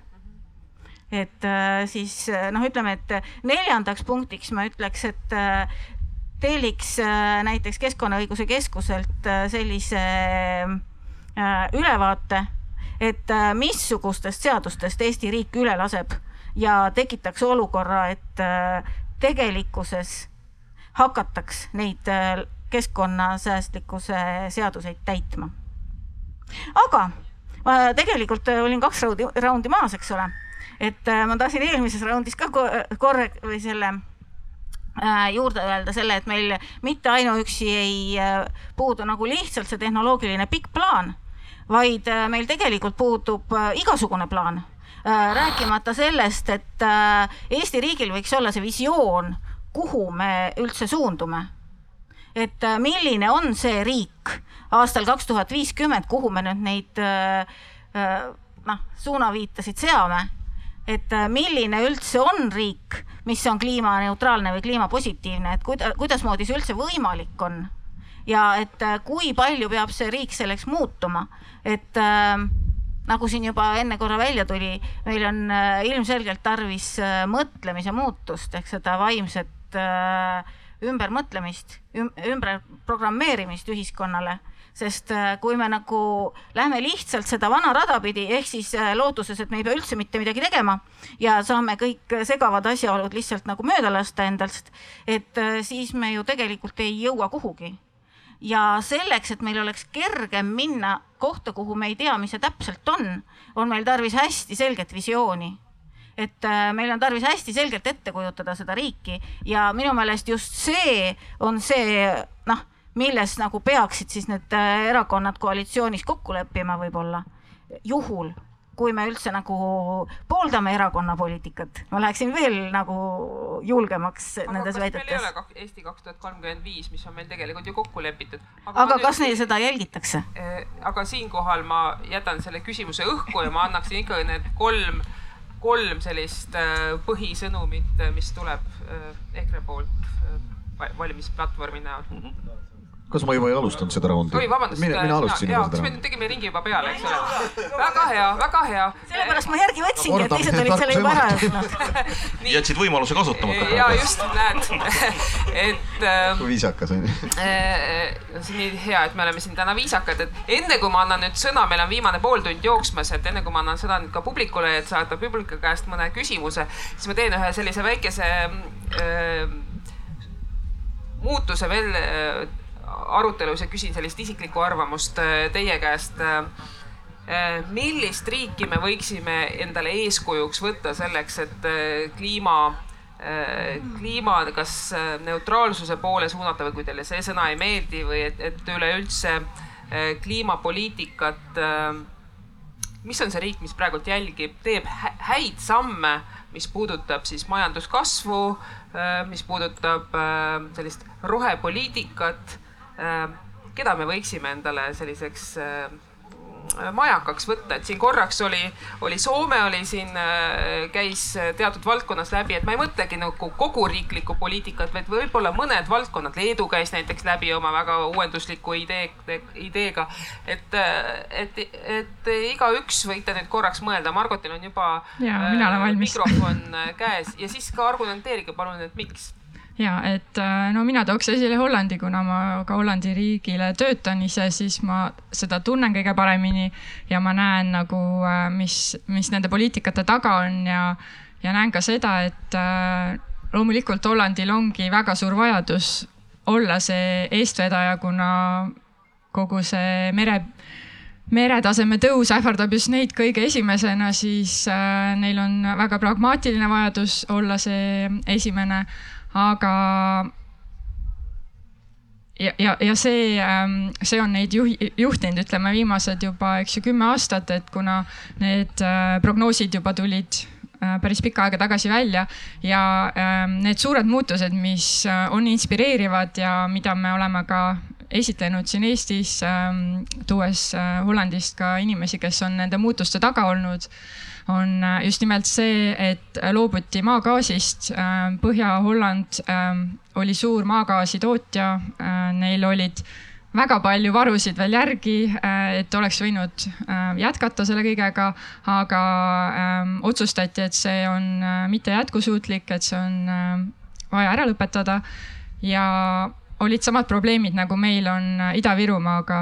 Ja suur hulk inimesi, kes jäid töötuks, suur hulk Äh, piirkondi, äh, kus olid äh, sotsiaalmajanduslikud probleemid ja nii edasi, aga kõik see lahendati ära. olidki väga rasked otsused, on seal loodud uus majandus, seal on nüüd ähm, suur vesinikuorg, ähm, Euroopa suurim ja esimene. et nemad leidsid, et see vesinik on, on üks valdkond, millele siis nüüd uuesti keskenduda ja, ja just nimelt kõik see, äh, millega meie siin äh, vaevleme, on väga pikalt juttu, et me ei, et seda ei olegi võimalik, et see on väga raske, et tegelikkuses on küll võimalik ja tegelikult on ka nagu häid praktikaid, et me ei pea jalgratast hakkama leiutama, äh, vaid on täiesti võimalik minna ja kasutada teiste näiteid, kuidas asju lahendada. nii, Margot ütleb Holland no,. ma tegelikult korra Soome tõin näiteks ja, ja ma võib-olla äh, noh, laiendaks seda siis natukene rikuks moderaatori poolt pakutud ja ja jääks küll Põhjamaade juurde, aga ütleks, et, et Soome ja Norra kombinatsioon võiks olla tegelikult see, mis äh, oleks Eestile äh, teatud eeskujuks. vaieldamatult Eesti on ka Põhjamaa, Eesti on metsariik mõlemad need riigid on ka metsariigid, kuigi ütleme nüüd äh, oma innovatsiooni poole pealt äh, on Soome võib-olla mm,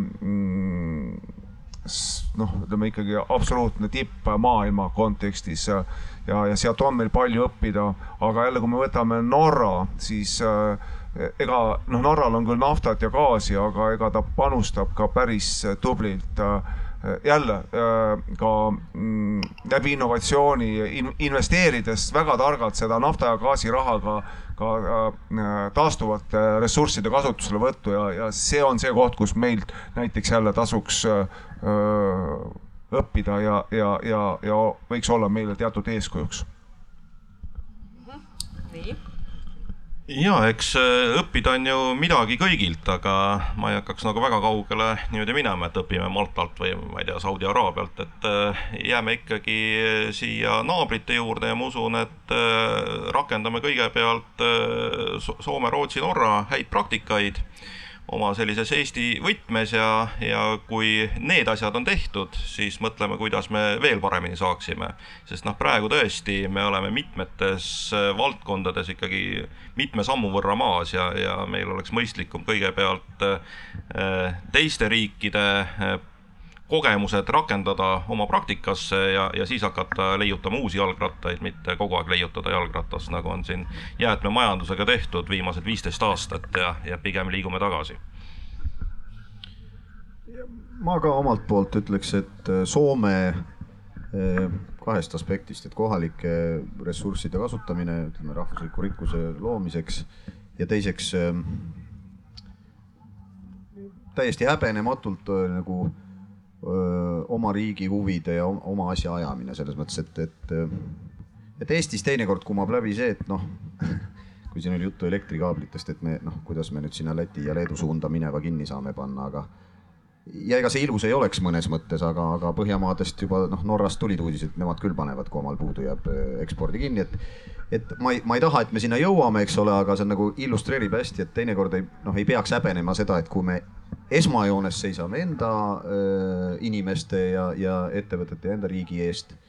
et selles mõttes jah, ja, ja kohalike ressursside väärindamine, et ma arvan, seal on tõesti palju eeskuju võtta et ma pean tunnistama, et mul ei tulnud vahepeal meelde mitte ühtegi riiki, millest ma teaksin, et selle looduskaitse oleks oivaline ja et selles mõttes mul ei ole siin Margoti Hollandile midagi paremat kõrvale pakkuda, et kui vaadata tõesti noh, nagu selle tehnoloogilisema ja ringmajandusliku poole pealt. Äh, küll aga tahaks nagu välja äh, hõigata selle, et äh, tegelikult Eesti peaks mitte kartma ja hakkama ise oma väiksuse juures selleks eeskujuriigiks. et meil on see võimalik just nimelt oma selle väiksuse ja kompaktsuse ja ka selles mõttes, et äh, no me tegelikult oleme korra juba ime läbi teinud.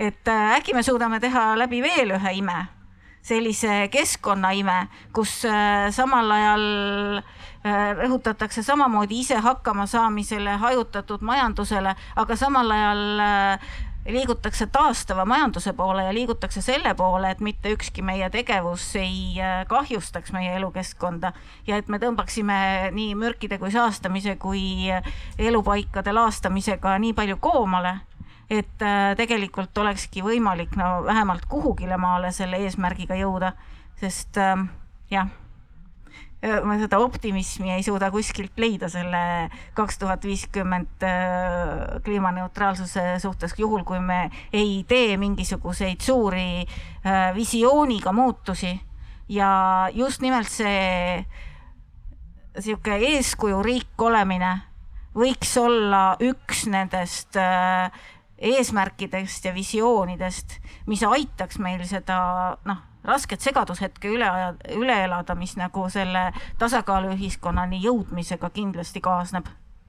nii, et äh, hea meelega, meil on aeg kohe-kohe otsas, annaksin ikkagi Pireti mikrofoni äh, sinu abiga siis äh, ühele, ühele küsijale, siin ees on kohe üks küsimus. võtame siin selle küsimuse, jah. Tere, äh, mul on äh, küsimus äh, optimistlikele härradele siin ees et äh, mida te ütleksite noortele, kes on planeedi tuleviku pärast mures? küsimus on suunatud siis ainult härradele? no nemad olid kõige optimistlikumad, et selles mõttes. ma, ma, ma avan äkki. no, no ava. no mina, mina ütleks noortele seda, et noorena tasuks äh, käia kontserdil ja festivalil, äh, tunda elust rõõmu ja, ja noh võib-olla vähem muretseda, et siis äh, ja, ja käia kindlasti koolis, omandada teadmisi ja siis nende pealt saab hakata hiljem lahendusi pakkuma. just, ega mul oli sama sõnum, et äh, võtke nagu rahulikult, õppige ja, ja pakkuge lahendusi, aga äh, e-, eks me oleme ka noored olnud ja, ja ütleme, et ega tol ajal tundus samamoodi, et vaja on nagu mingisugust revolutsiooni, aga, aga kui sa hakkad seda päriselt tegema, siis noh, näed, mingeid asju saad liigutada, mingid asjad liiguvad kiiremini, mingid aeglasemalt. aga ma ei arva, et oleks nagu äh, põhjust mingiks suureks masenduseks. et noh, noorus on ikkagi selleks, et äh, valmistuda vanaduspõlveks, et äh, koguge teadmisi, et oleks, mida meenutada ja et oleks, kus kala püüda Eesti on armas aga kindlasti peaks vaatama äh, ka väljapoole Eestit ja, ja äh, Eesti ei ole ainukene lahendus, et tegelikult, kui me nüüd äh, räägime ka kliimatemaatikast, siis, siis me peaksime märksa enam ja see puudutab ka siis noori, kes on rohkem liikuvamad, maailm on rohkem avatud täiesti ka objektiivsetel põhjustel vähem seotud, et äh, tegelikult äh, ka kliimamuutuste võtmed ei peitu mitte niivõrd Eestis, kuivõrd Eestist väljas ja tuleks tegelikult ka tööd teha väljapoole Eestit. Hõigaks ka kohe vahele, et hei, tegelikult naised siin tahavad ka rääkida, et äh, naised tahavad äh, hüüda siitpoolt, et noored, tulge ometi, võtke see riik üle tulge läbi meie, tulge meie kaudu.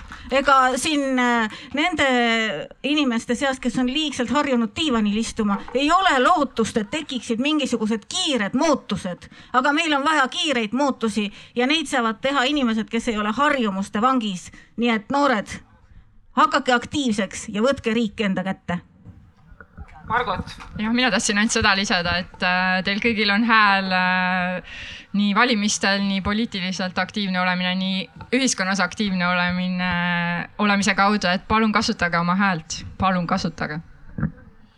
Ja sellega on meie aeg läbi, aga ma nüüd võin küsida meie maja omanikult, et kas meie maja omanik lubab mõnda küsimust veel võtta, ehkki meil on aeg nagu täis, aga, aga käed on tõusnud nüüd, nüüd läks just soojaks, et, et no, aga temperatuur tõuseb siin. teeme, teeme vähemalt ühe veel, vähemalt ühe veel, et äh, siin anti nagu sõna üle, et äkki noored veel saaks küsida, et kas see on, oleks okei okay.? minu jaoks on see okei okay,, et äh, mina, mina, sina oled maja omanik. mina annaks et... ka, ka nagunii. jaa äh, lihtsalt remargi korras, et kui te ütlete noortele, et käige koolis, siis noored võib-olla vastu ütlevad, et kuulake teadlasi.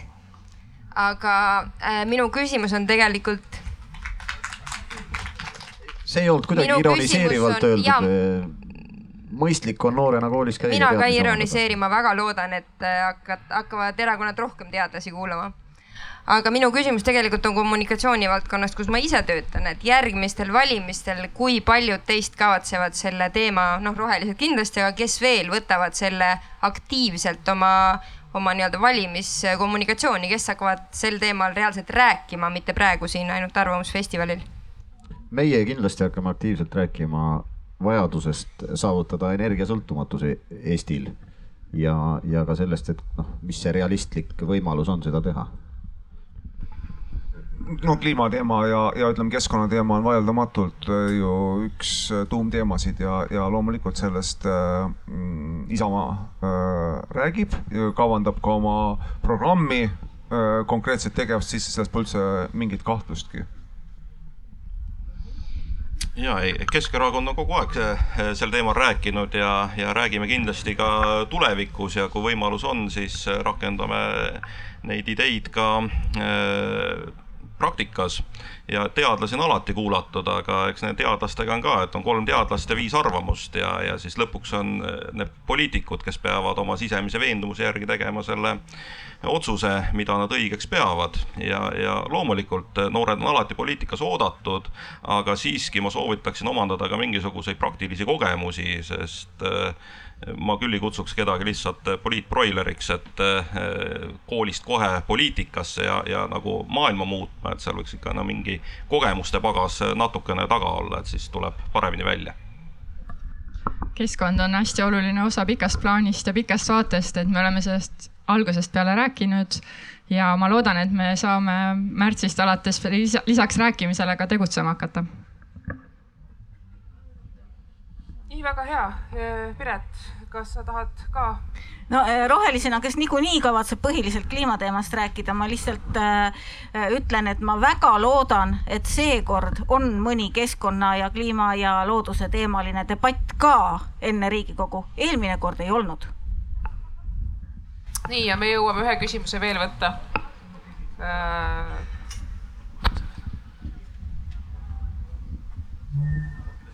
tervist. Mul selline lihtne küsimus, et äh, kui me oleme koolis käinud ja koolis käimist me käimisest me siin rääkisime, siis me seal õppisime bioloogiatunnis, et fotosüntees nõuab õhus süsihappegaasi kontsentratsiooni minimaalselt sada kuuskümmend osakest miljoni kohta. ja taimede jaoks optimaalne on sellest kümme korda suurem, tuhat kuussada osakest mil- miljoni kohta see, mida meile täna öeldakse, mis peaks olema siis normaalne, on siis see samm on siis seal sada nelikümmend osakest. see, mida meil peetakse normaalseks, on see, kus see skaala näitab, seier näitab ühte. ja täna me oleme jõudnud olukorda, kus seier näitab number kahte. minu küsimus on selline, et miks me sellises olukorras ikkagi sellest CO2 piiramises kinni oleme? sellepärast, et me lähtume siin, me oleme siin väga enesekesksed, kui siin räägitakse looduse säil- säilitamisest ja kõigest sellisest, siis taimed on sellest palju suurem osa biomassilt kui inimesed. nii et taimede huvide eest tuleks ka võidelda. ehk on aeg kuulata teadlasi ja anda mikrofon Avelinale ei, ma arvan, et Avelinale me sõna ei anna, sellepärast et me tõmbame selle teema siit kokku, sellepärast et poole tunni pärast juba hakkame me rääkima rohepoliitika ekspertrühma raportist Rohetiigri alal ja sinna kogunevad äh, nii eksperdid kui teadlased, nii et olete äh, sinna oodatud kuulama, mis on siis meie ettepanekud, kuidas Eesti rohepoliitika edasi võiks minna nii et olete kõik sinna oodatud. tänan teid kõiki, kes te siia olete täna Paidesse kogunenud, meie kliimadebatile kaasa elanud ja kaasa elanud ka sotsiaalmeedia vahendusel. loodame, et see on ainult soojendus selleks, et eh, edasi minna sellise argumenta-, argumenteeritud aruteluga, kus eh, me räägime rohkem lahendustest eh, kui sellest eh, populistlikust küsimusest, et miks kaks tuhat viiskümmend. räägime lahendustest, konkreetsetest lahendustest, nendest probleemide osas, mis meil täna Äh, ühiskonnas ja keskkonnas pakitsevad, nii et veel kord aitäh teile, aitäh teile, panelistid ja äh, mõnusat festivali meile kõigile. selge see, et ega kõike kõike teha.